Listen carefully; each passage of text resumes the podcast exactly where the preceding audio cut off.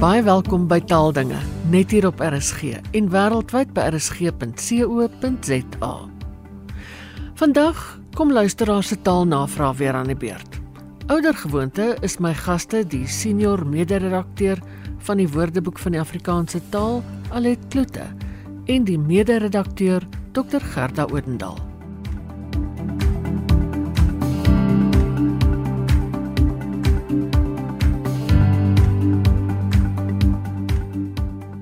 Gittie Meyer wonder of iemand weet of muurmoles 'n uitdrukking is. In Engels medium skool is dit deel van die spellinglys en word dit bloot as ant trouble verduidelik. Alet, weet jy? Ek moet nou erken ek het nog nooit van 'n muurmoles gehoor nie en dit is definitief nie 'n uitdrukking nie want 'n uitdrukking word nou gedefinieer as 'n woordgroep, 'n frase of 'n sin terwyl ons hier te maak het met 'n woord wat 'n samestelling is. Maar ek het wel afgekom op die slimkoppe leesreeks wat spesiaal ontwikkel is om kinders met selfvertroue aan die lees te kry en by hulle 'n liefde vir lees aan te wakker. Meermoles is nou toevallig een van die stories in die leesreeks. Ek het nie die storie onder oog gehad nie, maar ek vermoed dit handel oor mure wat moles veroorsaak, wat moeilikheid veroorsaak. Die samestelling meermoles is dus in die geval deursigtig. Waarskynlik is die leesreeks dan nou vir die tweede taalleerders voorgeskryf en miskien is Memoles Moles daarom in die spellys ingesluit. Nou interessant genoeg, as 'n mens die M van die Moles in Meermoles met 'n C vervang, kry jy 'n Spaanse woord wat Woensdag beteken. En dit is nou in, in ja, in Latyns-Amerikaanse Spaans in Kolombië. En nou was dit vir my interessant dat soos ons nou in Afrikaans donderdag gebruik as ons nie 'n kragwoord wil sê nie, kan die Spaanse woord blykbaar ook as 'n ligte kragwoord ingespan word, maar ek gaan nou nie sê vir watter kragwoord dit gebruik word as 'n alternatief nie. En blykbaar kry 'n mens die verskynsel ook in Frans. En dit was nou vir my interessant dat daar 'n ooreenkoms is tussen die verskillende tale wat betref die gebruik van dae van die week om 'n ligte kragwoord te, te gee. En nou is dit vir my baie vreemd dat mense navorsing vir onskuldige woorde nou jou soms op sulke afdraai baie kan neem. Gerda Suzet Westhof sê dis vir opvallend dat die leidende vorm in Afrikaans deesdae dikwels verkeerd gebruik word. 'n Mens hoor byvoorbeeld hierdie advertensie was gebring terwyl dit moet wees hierdie advertensie is gebring of die Springbokke speel die wedstryd wat dan word die wedstryd was deur die Springbokke gespeel in plaas van die wedstryd is deur die Springbokke gespeel. Verduidelik asseblief tog net weer hoe werk dit? En nou die verwarring by die lydende of die passiewe vorm in Afrikaans het veral te maak met die verlede tydsvorm in die lydende vorm. Nou skools het al meer as 30 jaar gelede gesê dat die gebruik van was in plaas van is in die lydende vorm vir die aanduiding van die verlede tyd een van die algemeenste foute is wat deur Afrikaanssprekendes gemaak word. So hierdie fout is basies so oud soos ek. en uh, hierdie verskynsel kan veral toegeskryf word aan die invloed van Engels op Afrikaans. In Engels sal ons byvoorbeeld sê he was injured en in Afrikaans hoor ons dan mense sê hy was beseer terwyl dit eintlik moet wees hy is beseer. Nou is vir al die bedoeling van die sin wat bepaal of was of is gebruik moet word. Kom ons kyk gou na die volgende voorbeeld. Toe Sari daar inkom, was die werk reeds voltooi. In Engels sal dit wees when Sari arrived, the work had already been done. Nou in hierdie sin word was gebruik om die voltooidheid in die verlede aan te dui of dan nou wat ons noem die voltooide verlede tyd. Die leidende vorm het betrekking op 'n gebeurtenis of 'n handeling wat plaasgevind het en reeds afgehandel of voltooi was voordat 'n ander handeling wat genoem word gebeur het. So die voltooiing van die werk het reeds plaasgevind voordat Sari daar opgedaag het. Maar as ons nou die volgende sinne vergelyk, 'n Feesganger is gisteraand deur twee jeugdiges in Victoria Straat beroof versus die Engelse A festival attendee was robbed by two youths in Victoria Street last night. In hierdie sin word daar nie dieselfde voorwaarde aan die voltooidheid van die gebeurtenis gestel nie. Dit het gewoon in die verlede gebeur en dis nie 'n voorvereiste wat 'n ander handeling in die verlede voorafgaan nie. Nou, dit is nou 'n mondvol, maar om dit eenvoudig te stel, in Afrikaans moet is in die meerderheid gevalle gebruik word om die verlede tyd in die lydende vorme aan te dui. Was word slegs gebruik in daardie gevalle waar dit 'n ander handeling in die verlede voorafgaan, met ander woorde in die voltooide verlede tyd. Ehm um, ja, mens mens hoor selfs iemand was gebore. Ja. ja. ja dan... Dit is 'n uh, dit is 'n algemeen is hy nou nie meer gebore. Ja, ja, presies.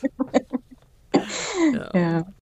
MTB merk op dat baie Afrikaanssprekendes elke sin of antwoord met so begin. Nou wil die persoon weet: Is dit net 'n nuwe manier of gewoonte of is dit dalk 'n anglisisme? Alet? Ek is geneig om te dink dat dit liewer 'n anglisisme is en dit is nie 'n nuwe manier of gewoonte nie. As 'n mens nou begin luister en die oomblik as iemand dit nou onder jou aandag bring, dan hoor jy dit ook al hoe meer. En dit is iets wat wat baie gebruiklik is en baie voorkom. Ek dink ons onderskat dikwels die invloed van Engels op Afrikaans. Want dit is nie net ons woordeskat en ons uitdrukkings wat deur Engels geraak word nie, maar inderdaad ook die sinsbou. En waar so in die betekenis dus gebruik word, is dit stilisties minder aanvaarbaar, juis omdat die sinskonstruksie onder die Engelse invloed gevorm word. In 'n informele gespreksituasie kan 'n mens nog daarmee wegkom, maar in 'n formele taalsituasie is dit beter om liewer dus te sê of te skryf. Ek kan net enkele voorbeelde gee. So, jy erken dat jy verkeerd was. Dit sou beter wees om te sê jy erken dus dat jy verkeerd was. So, Hy gaan nou nie meer saam nie. Hy gaan dus nou nie meer saam nie.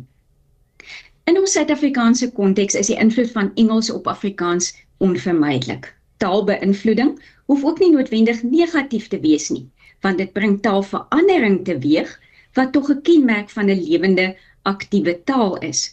Maar sodra Engels egter die taal eie verdring en die taal verarm, moet ons daaroor bekommerd wees. En nou is dit ongelukkig ook so dat die formele grammatika onderrig in die skole afgewater geraak het.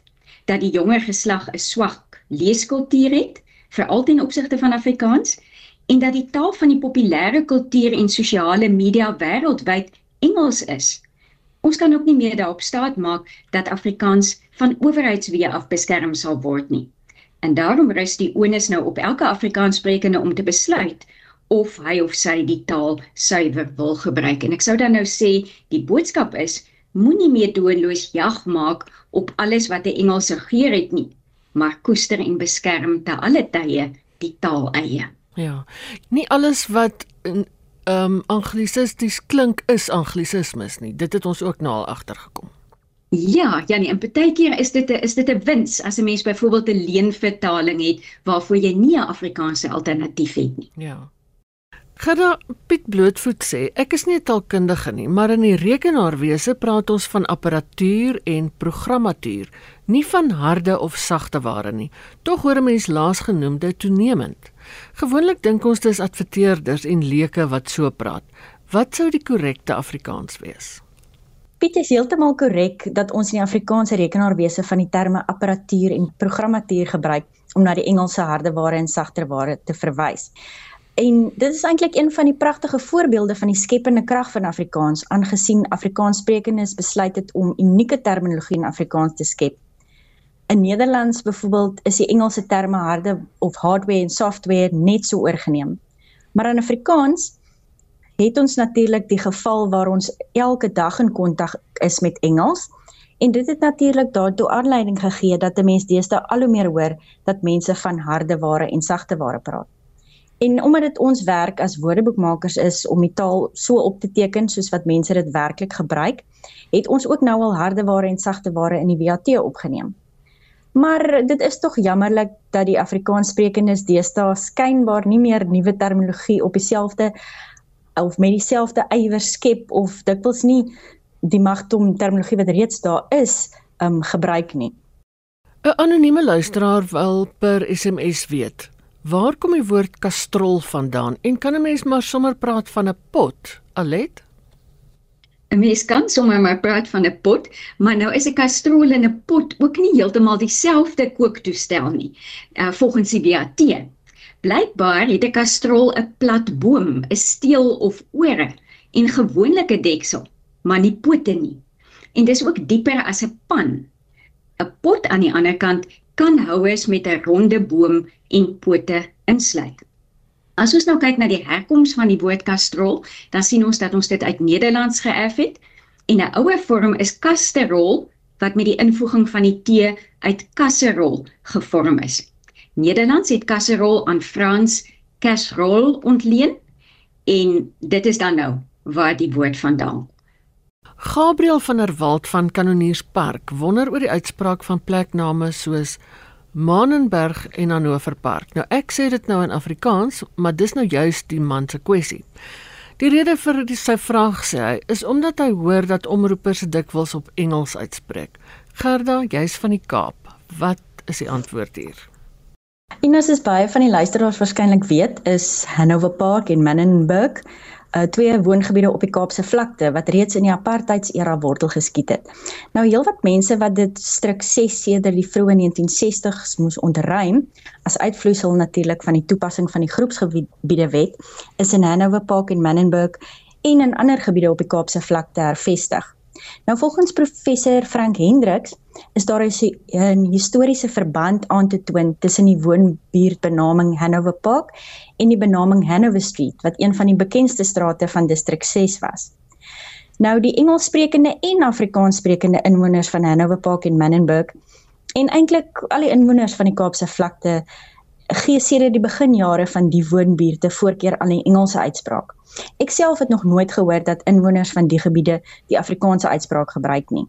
En as 'n mens in ag neem dat daar tydens die apartheidsjare dikwels neergekyk is op die variëteite van Afrikaans wat dikwels in hierdie uh gebiede gepraat is deur mense, is dit eintlik te verstaan dat daar voorkeur gegee is aan die Engelse uitspraak. Nou die Afrikaanse radiodiens en taalonderrig op skoolvlak was instrumenteel in die inburgering van die Afrikaanse uitspraak. So wanneer Afrikaanse radioomroepers vandag hierdie woonbuurtbenamings op Engels uitspreek, val hulle eintlik net in by die inwoners se voorkeur uitspraak. Maar soos wat die geval is met baie plekname in Afrikaans, bly die Afrikaanse uitspraak 'n geldige opsie. So, ehm um, alhoewel die inwoners praat van Hanover Park en Manenberg, ehm um, kan mens nog steeds ook praat van Hanover Park en Manenberg. Hmm. Ehm um, Alet Piet vra. Ek kry 'n inligtingstuk van die Taalmonument. Daar staan: "Wil jy Afrikaans toelies in Arabies?" Wat beteken dit en waar kom dit vandaan? Die woord toelies kom in die taalgebruik van die moslems voor en dit kom uit Indonesies of Maleis toelies T U L I S wat skryf beteken. As deel van die viering van die Afrikaanse Taalmuseum en Taalmonument se 45ste verjaarsdag, is daar in 2020 'n kompetisie geloods waarin enige iemand 'n kort Afrikaanse teks in Arabiese of Jawiese skrif kon translitereer. En ek vermoed dit is dan nou die inligtingstuk waarna die luisteraar verwys. Die luisteraars sal toelies in die VAT terugvind. Dit is opgeneem en verklaar en dan is daar nou ook 'n paar voorbeeldsinne gegee En een van die voorbeeldsinne ter illustrasie kom uit die Son, die koerant, en dit lui soos volg: Boeta Ahmad Davids, Aragam, die Aragam beteken wat oorlede is of wyle, een van die famous famous Muslim historians, het so 'n koplesboek gekry wat so vroeg as 1807 met die hand getoelies was. Nou 'n koplesboek is 'n boek met lesse wat uit die kop, met ander woorde van buite geleer moes word. En wat merkwaardig is omtrent die boek uit 1807 is dat dit in Arabies Afrikaans geskryf was, wat dan nou 'n bewys daarvoor is dat die moslimgemeenskap baie vroeg reeds hul mees intieme gedagtes en geloofs-oortuigings in 'n vorm van Afrikaans uitgedruk het. Gerda Sanet sê ek lees eendag in 'n ou tydskrif van 'n ewenaars voor. Wat is dit? Sanet die woord ewenaar voor soos dit in die WAT opgeneem is, is 'n ouer woord in Afrikaans en word nie vandag meer so dikwels gebruik nie. Maar vroeër dae is 'n stuk ploegland dikwels as een stuk geploeg en so 'n stuk ploegland is dan 'n akker genoem en hierdie akker het gewoonlik tussen twee fore of slote gelê. En wanneer hierdie twee fore aan weerskante van die akker parallel met mekaar geloop het, is daar gepraat van 'n ewenaar voor want dit het die boer dan gehelp om die fore of slote tussen hierdie twee parallelle fore ewe lank te kry. Ignatius Els het onlangs weer die internasionale bekroonde fliek Tsotsi gesien. En nou wonder hy waar kom die woord vandaan? Alet, kan jy help? Tsotsi is 'n jong swart man met misdadige neigings volgens die WAT definisie. Die woord Tsotsi kom uit Sotho en dit beteken 'n langbroek met pype.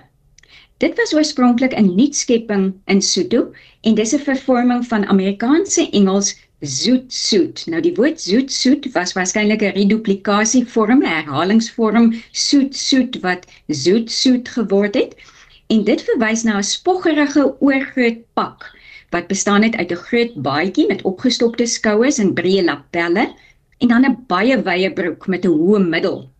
Maar die wye pype het al nouer geword na die enkels toe en daar was 'n baie goeie rede waarom die broek dan nou na die onderpunt toe nouer geword het want die jong mense wat die pakke gedra het, die zoet soets gedra het, het jitterbugging gedoen, die ritteldans uitgevoer in die in die 40er en die 50er jare.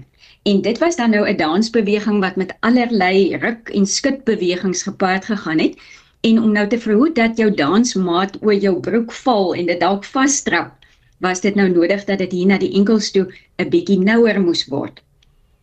Nou hierdie zoet soet het die jong swart man se identifikasie met die Amerikaanse popkultuur, relatiewe ekonomiese sukses en spoggerige gedrag as 'n simbool van stedelike gesofistikeerdheid te kenne gegee. Dat ons onlangs by die woordfees was, het een van die feesgangers vir ons gevra of gesê: Sommige woorde se oorsprong kan as 'n mens bietjie daaroor dink, uit die woordvorm self afgelei word. Maar die woord bykant se oorsprong is nie vir ons van selfsprekend nie. En nou wonder hy, waar kom die woord bykans vandaan? Gerda? Nou ons sien die woord bykans veral in deftige of formele taal gebruik as alternatief tot die woord amper. Nou Afrikaans het die woord aan Nederlands ontleen van die woord bykans en dit het reeds in Middelnederlands bestaan as bikans, uh, gespel B I C A N S. Nou hierdie woord is 'n afleiding met s van die woord bikant wat 'n samestelling is van bi wat by of omtrent beteken en kant wat kant, rand of grens beteken. Die Middelnederlandse bikant beteken dus letterlik by die kant of na aan die kant. Nou ja, 'n paar vrae sal ongelukkig moet oorstaan tot 'n volgende keer. Baie dankie aan my gaste, die senior mede-redakteur van die WAT, Alet Kloete, en die mede-redakteur Gerda Odendaal. Ek het soos gewoonlik 'n hele paar dinge geleer vandag. Onthou as jy wil help verseker dat die wonderlike werk aan die WAT voltooi kan word, borg 'n woord. Al die besonderhede is op die WAT se webwerf. Stuur gerus my jou taalnavraag na ina@rsg.co.za en dan bespreek ons dit by 'n volgende geleentheid. En as jy weer na die program wil luister, kan jy die potgooi aflaai by rsg.co.za. Geniet die res van die dag in die RSG se geselskap. Bly veilig, bly gesond en van my Ina Strydom groete tot 'n volgende keer.